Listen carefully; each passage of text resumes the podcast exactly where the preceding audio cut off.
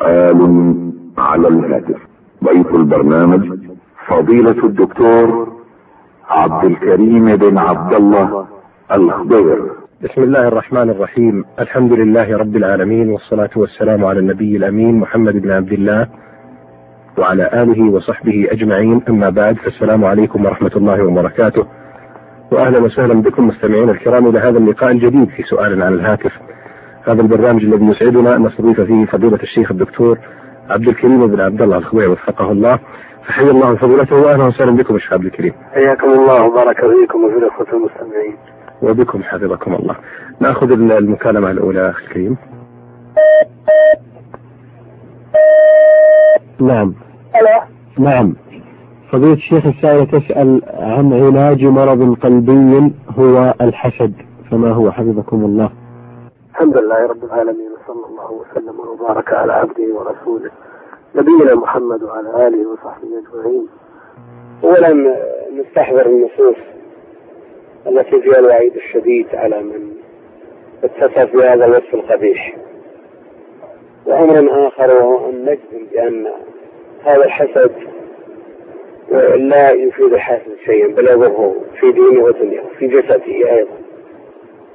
وأن المحسود لم يتضرر البتة. ما لم تصاحبه عين وحينئذ يكون الأمر أشد. فالمحسود لن يتضرر إلا إذا وجد هناك عين وهي مصيبة بالنسبة له وآفة بالنسبة للعائن يحرم عليه مزاولة هذا العمل القبيح. المنبعث عن قلب فيه دخل وفيه غل وفيه حقد. مثل هذه الأمور تصور الإنسان أن أن الذي قدر هذه الأرزاق هو الله جل وعلا. هو الذي قدر العافية لفلان وقدر المال لفلان وقدر الزوجة لفلان وقدر الأولاد لفلان وقدر الوظيفة لفلان قدر الجاه لفلان قدر العلم لفلان. المقدر هو الله جل وعلا. فالحاسد يعترض على الله جل وعلا في تقديره. يعترض على الله جل وعلا في تقديره.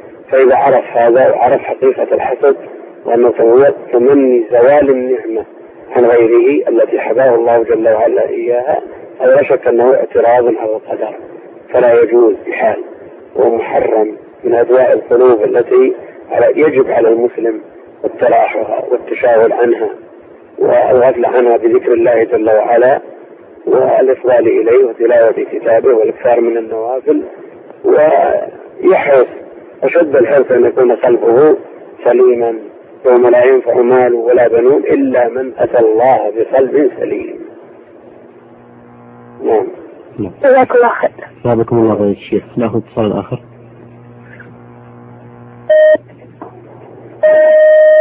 نعم. ألو. نعم. السلام عليكم. عليكم السلام ورحمة الله. وعلى الهاتف تفضل سؤالك يا أختي آه، فضيلة الشيخ هذه سائلة تسأل عن فضل شهر شهري رجب وشعبان حفظكم الله. أما بالنسبة للرجل اللي شهر الرجل فهو أحد الأشهر الحرم. شهر معظم شهر معظم الشرع لكن لم يثبت فيه عبادات خاصة. لم يثبت فيه أنه يخص بعبادات. وزعم ابن عمر رضي الله عنهما أن النبي عليه الصلاة والسلام اعتمر في رجب ونفت ذلك عائشة أم المؤمنين. وهذا في الصحيح. فلم يثبت فيه مزيد العبادة ولم يثبت فيه صيام ولا صلاة زائدة ولا وإنما هو شهر معظم تعظم فيه الحرمات تعظم فيه الدماء لا يجوز فيه القتال. وشعبان يكثر فيه الصيام نوافل إلا إذا انتصف فقد جاء النهي عن الصيام بعد منتصف شعبان. إذا انتصف شعبان فلا تصوموا. وهما من أيام الله التي ينبغي أن تستغل بطاعته جل وعلا. ينبغي أن تستغل بطاعة الله جل وعلا لأن هذه الأيام خزائن. ينبغي أن يودع فيها ما ينفع. زادا للمعاد ونمنجيا من عذاب الله موصلا إلى مرضاته وجناته. هذه الأيام خزائن سواء كانت رجب أو شعبان أو غيرها من الأشهر. في أيام الله. نعم. لازم بالنسبة لليلة النصف من شعبان. نعم. يخصها بمزيد عبادة ويذكر فيها ما يذكر من آثار وردت في هذا لكن لم يثبت منها شيء. فلا تخص بشيء. نعم. فضيلة الشيخ هذه سائلة تقول حكم زكاة بهيمة الأنعام لا سيما إذا كانت ترعى وأيضا تعطى يصرف عليها من شعير وعلى غير ذلك. بهيمة الأنعام من الإبل والبقر والغنم. إذا كانت سائمة بمعنى أنها ترعى الحول وأكثر الحول ثم لا تزكى زكاة بهيمة الأنعام. تزكى زكاة بهيمة الأنعام ولها نصاب ولها في كل عدد قدر محدد من المطلوب. إذا بلغت الإبل خمس فيها شاة عشر فيها شاتان خمس عشرة. ثلاث شياه وعشرون أربع شياه وخمس وعشرون آه، بنت مخاض إلى آخره. إلى آخر ما جاء في حديث أنس الصدقات. وكل هذا في البقر في الثلاثين من البقر تبيع وتبيعة في الأربعين مسنة وفي الغنم في الأربعين شاة. إلى آخر ما جاء في الحديث الذي أشرنا إليه. هذا إذا كانت سائمة أما إذا كانت معلوفة إذا كانت معلوفة بمعنى أنها تعلف بالنفقة بالمال يشترى لها العلف ولها الشعير وغير ذلك من أنها تعلف ليست سائمة ترعى فهذه لا زكاة فيها إلا إذا كانت معدة للتجارة. إذا كانت معدة للتجارة فزكاتها زكاة عروض التجارة. أثنين النصف المئة من قيمتها إذا حال عليها الحول فضيلة الشيخ هي تسأل الأخت تقول هل نعطيه للسائل الذي يسأل الزكاة ونحن نعرف أن حاله محتاج؟ وفي الحالة العادة جرت أن بهيمة الأنعام آه، يفرضها السعاة الذين يبعثهم ولي الأمر ويبعث السعاة لجباية الزكاة وهذا معروف من عهد النبي عليه الصلاة والسلام إلى يومنا السعاة هم الذين يقبلون الزكاة. لكن لو قدر أن شخصا في مكان ما انتبه له ولا عرف مكانه. ثم بعد ذلك مر عليه الحول وما جاءه أحد لو بعث بها إلى الجهة التي تستلمها في الدولة لكان أحوط وأولى وأبرع لذمته. وإن عجز عن ذلك وأعطاها آه، من من يستحقها برئ ذمته إن شاء الله تعالى. أحسن الله إليكم فضيلة الشيخ. فضيلة الشيخ آه، هذا سؤال ورد البرنامج عبر الفاكس. يقول اشتركت في حادث سيارة وكان الطرف الثاني عليه الخطأ مئة بالمئة حسب تقدير المرور وبعد مرور عام توفي الطرف الثاني وذلك من آثار الحادث. فهل علي شيء؟ بارك الله فيكم؟ عليه الخطأ 100% يقول وقال الثاني ليس توفي عليه الخطأ 100% الطرف الثاني عليه الخطأ 100% نعم حسب تقدير المرور. لكن لكن الطرف الأول المتحدث سبب نعم. نعم. سبب. يعني له يد في الموضوع. نعم يا شيخ هو الطرف الثاني. اللي هي الكفارة تلزم. تلزمه الكفارة وهي حفظكم الله. عتق رقبة نعم. مؤمنة. فإن لم يجد صوم شهرين متتابعين. من أهل العلم من يرى أنه إذا كان آه، لا يد له في الحادث لا يد له في الحادث. وأن الشخص المتسبب والمباشر آه، هو الذي مات. فلا شيء على الحي. لكن حرم الدم المسلم عند جمع من أهل العلم وأنه لا يضيع آه، يجعل الطرف الثاني وإن كان بالفعل يعني آه، لا دور له كبير في الحادث بل الخطأ على الطرف الذي مات نعم. يجعله أقل أحواله أن يكفر لأنه لأنه لولا وجود هذه السيارة التي بيده ما مات ذلك الرجل نعم. فيكون متسببا وإن كان الأول مباشرا وإن كان المخطئ 100% مباشر نعم. مباشر هذا متسبب والمباشر غير مكلف الآن لأنه مات. ينتقل الأثر إلى المتسبب. وعلى كل حال مسألة اجتهادية و آه، ما أدري ماذا فعل له القاضي في السك نعم. إذا كان ألزمه بشيء آه، والغالب أنه ينص على مثل هذا في السك مثلا ما دام فيها وفاة لابد أن تكون عند القاضي ويكون فيها فيها سك شرعي. نعم. فإن كان ألزمه بصيام فليلزم. إذا أعفاه من ذلك مسألة اجتهادية وتعود إلى إلى حكم الذي أميل إليه أنه يكفر. إما وقد يصوم شهرين متتابعين. نعم. صيانة لدم المسلم الذي مات. نعم رحمة الله عليك طيب. لأنه لولا سيارة هذا الرجل لما مات ذلك الرجل؟ وإن كان مخطئا 100% فوجود الأثر من هذا الشخص ومن سيارته لا شك أنه أثر في وفاة الطرف الثاني. مهم. مهما قلنا أن ذاك هو هو ال- مخطئ. هو المباشر الحاز هو ال- المتهم ولو كانت السيارة واقفة يا شيخ. نعم. لو كانت السيارة فرضا واقفة وآتى هذا الطرف الثاني وضرب هذه السيارة ثم توفي. يعني السيارة واصلة لا لا عمل للرجل الثاني أبدا هذا. نعم. صاحب السيارة ما له أثر. نعم. لا معلش. ما عليه شيء. لا معلش نعم لكن لو كان يمشي لأن المتسبب غير مكلف سيارة. نعم. وهو المتسبب سائق السيارة. نعم. لكن لو كان إذا وقفت السيارة في مكان آه،. لا يشعر به ولا فارتطم به أحد. صدمه أحد فمات هنا كان يؤاخذ بتسببه للوفاة. لكن لو كان مثلا في الإشارة وهو واقف وهذا جاء وقدر الله أنه ضربه وتوفي الطرف الثاني. واقف ما ما ما يحرك السيارة ولا شيء. أي نعم واقف لي- للإشارة مثل مثل ما منه أي عمل هذا. نعم. هذا ما منه أي عمل لكن الاشكال في فيما إذا كانت السيارة تسير. وعلى كل حال مثل ما ذكرنا. من أهل العلم من يرى أنه لا شيء عليها البتة. نعم. ومثل ما ذكرت المساله لو إذا كان فيها شك وألزمه القاضي بال- بالكفارة يلتزم لأن حكم الحاكم يرفع الخلاف. فقول قتل العمد معروف. لأن أهل العلم يقسمون القتل إلى عمد وشبه عمد وخطأ.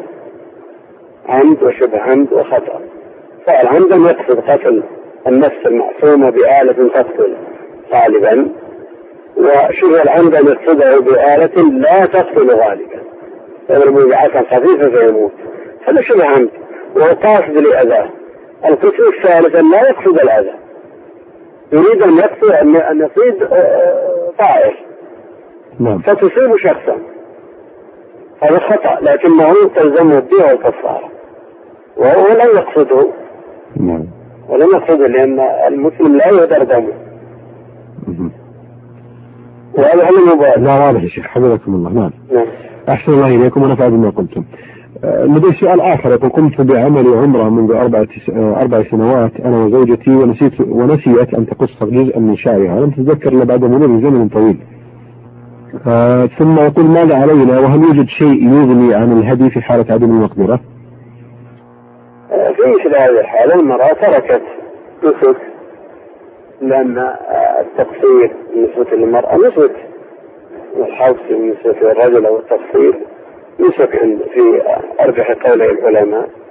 فعلى هذا تذبح دما تريق دما على أن تذبح شاة في مكة توزع على مساكين الحرم لقول ابن عباس من ترك نسكا فليرق دما ولا يقوم غيرهم مقام.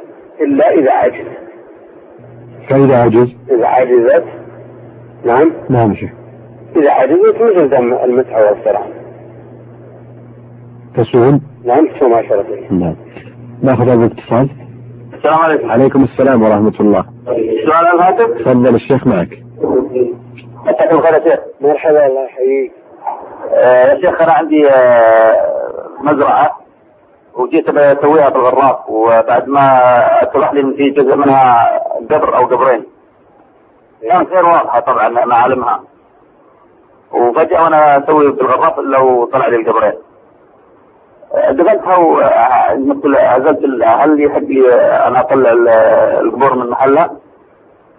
انقلها يعني؟ القبور تبقى في محلها. تبقى في محلها سورها واتركها.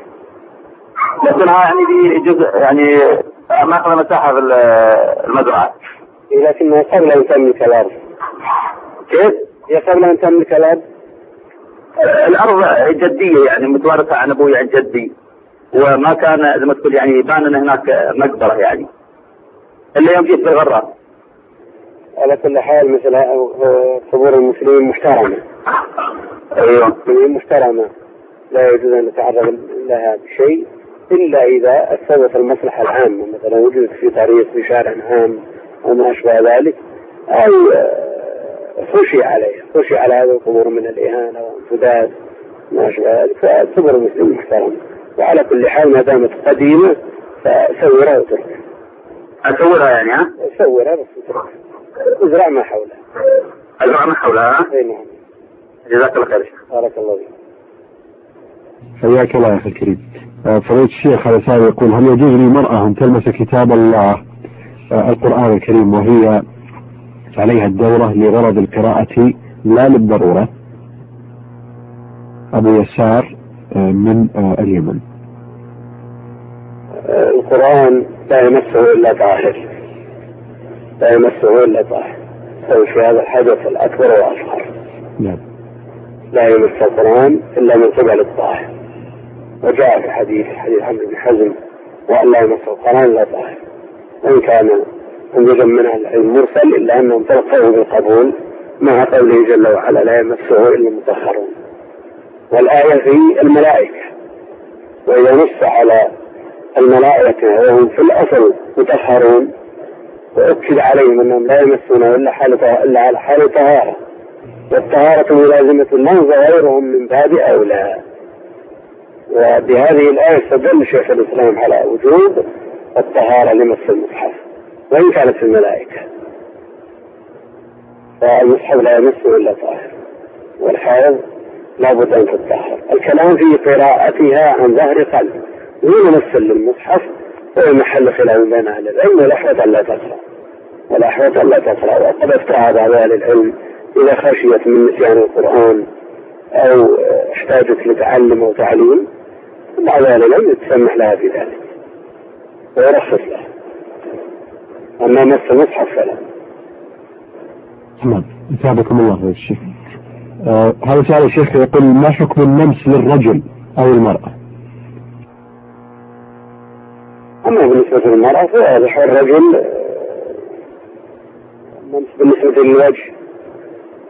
نعم. نعم يا شيخ. من النمس للرجل هكذا سؤاله يعني. ما حكم النمس للرجل أو المرأة؟ الذي هو نتف الشعر من الوجه. نعم. النمس بالنسبة للرجل إذا كان آه، من اللحية فهو حرام. وإذا كان بحيث يكون مكان يقدره به الناس فخلاف المروءة.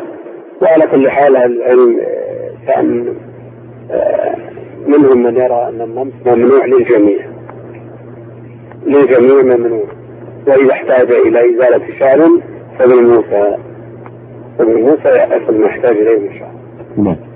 أحسن الله إليكم يا شيخ. آه، سؤال آخر يقول هل يجوز للفتاة أن تعمل في مكان أو قسم مختلط مختلط بين الرجال والنساء وليس معها محرم؟ العمل المختلط بين الرجال والنساء لا شك أنه خطر عظيم على آه، الجنسين. خطر عظيم على الجنسين. فعلى المسلم أن يتقي الله جل وعلا. ولا يزامل من الأعمال ما يعرض فيه نفسه للفتنة لأنه ضعيف. فيخشى أن يقع في الشر ويستدرج فيه ويستهويه ويستمريه ويشب عليه ويشيب عليه ثم لا ينكره. وقد يقع في الفاحشة بالتدريج وعلى هذا عليه أن يفر المرأة أن تفر من الأماكن التي فيها الرجال إلا إذا دعت الحاجة والضرورة إلى ذلك مع الحيطة التامة. مع الحيطة التامة. أن الخلوة بالرجال محروم محرمة وممنوعة شرعا. لكن إذا لم يوجد خلوة ودعت الحاجة إلى ذلك واستترت الستر التام ولم تخضع بالقول فالأمر قد تدعو إلى الحاجة وقد افتي به. لكن مع ذلك على المرأة أن تحتاط لنفسها. وخير ما لها أن لا ترى الرجال ولا يرونها ولا تعرض نفسها للفتنة. بهذه الإجابة مستمعينا الكرام نصل إلى ختام هذه الحلقة. نتقدم في ختامها بالشكر الجزيل لفضيلة الشيخ الدكتور عبد الكريم بن عبد الله الخضير الذي أجاب على استفساراتكم الهاتفية. مستمعينا الكرام نلقاكم بإذن الله تعالى وأنتم بخير. والسلام عليكم ورحمة الله وبركاته.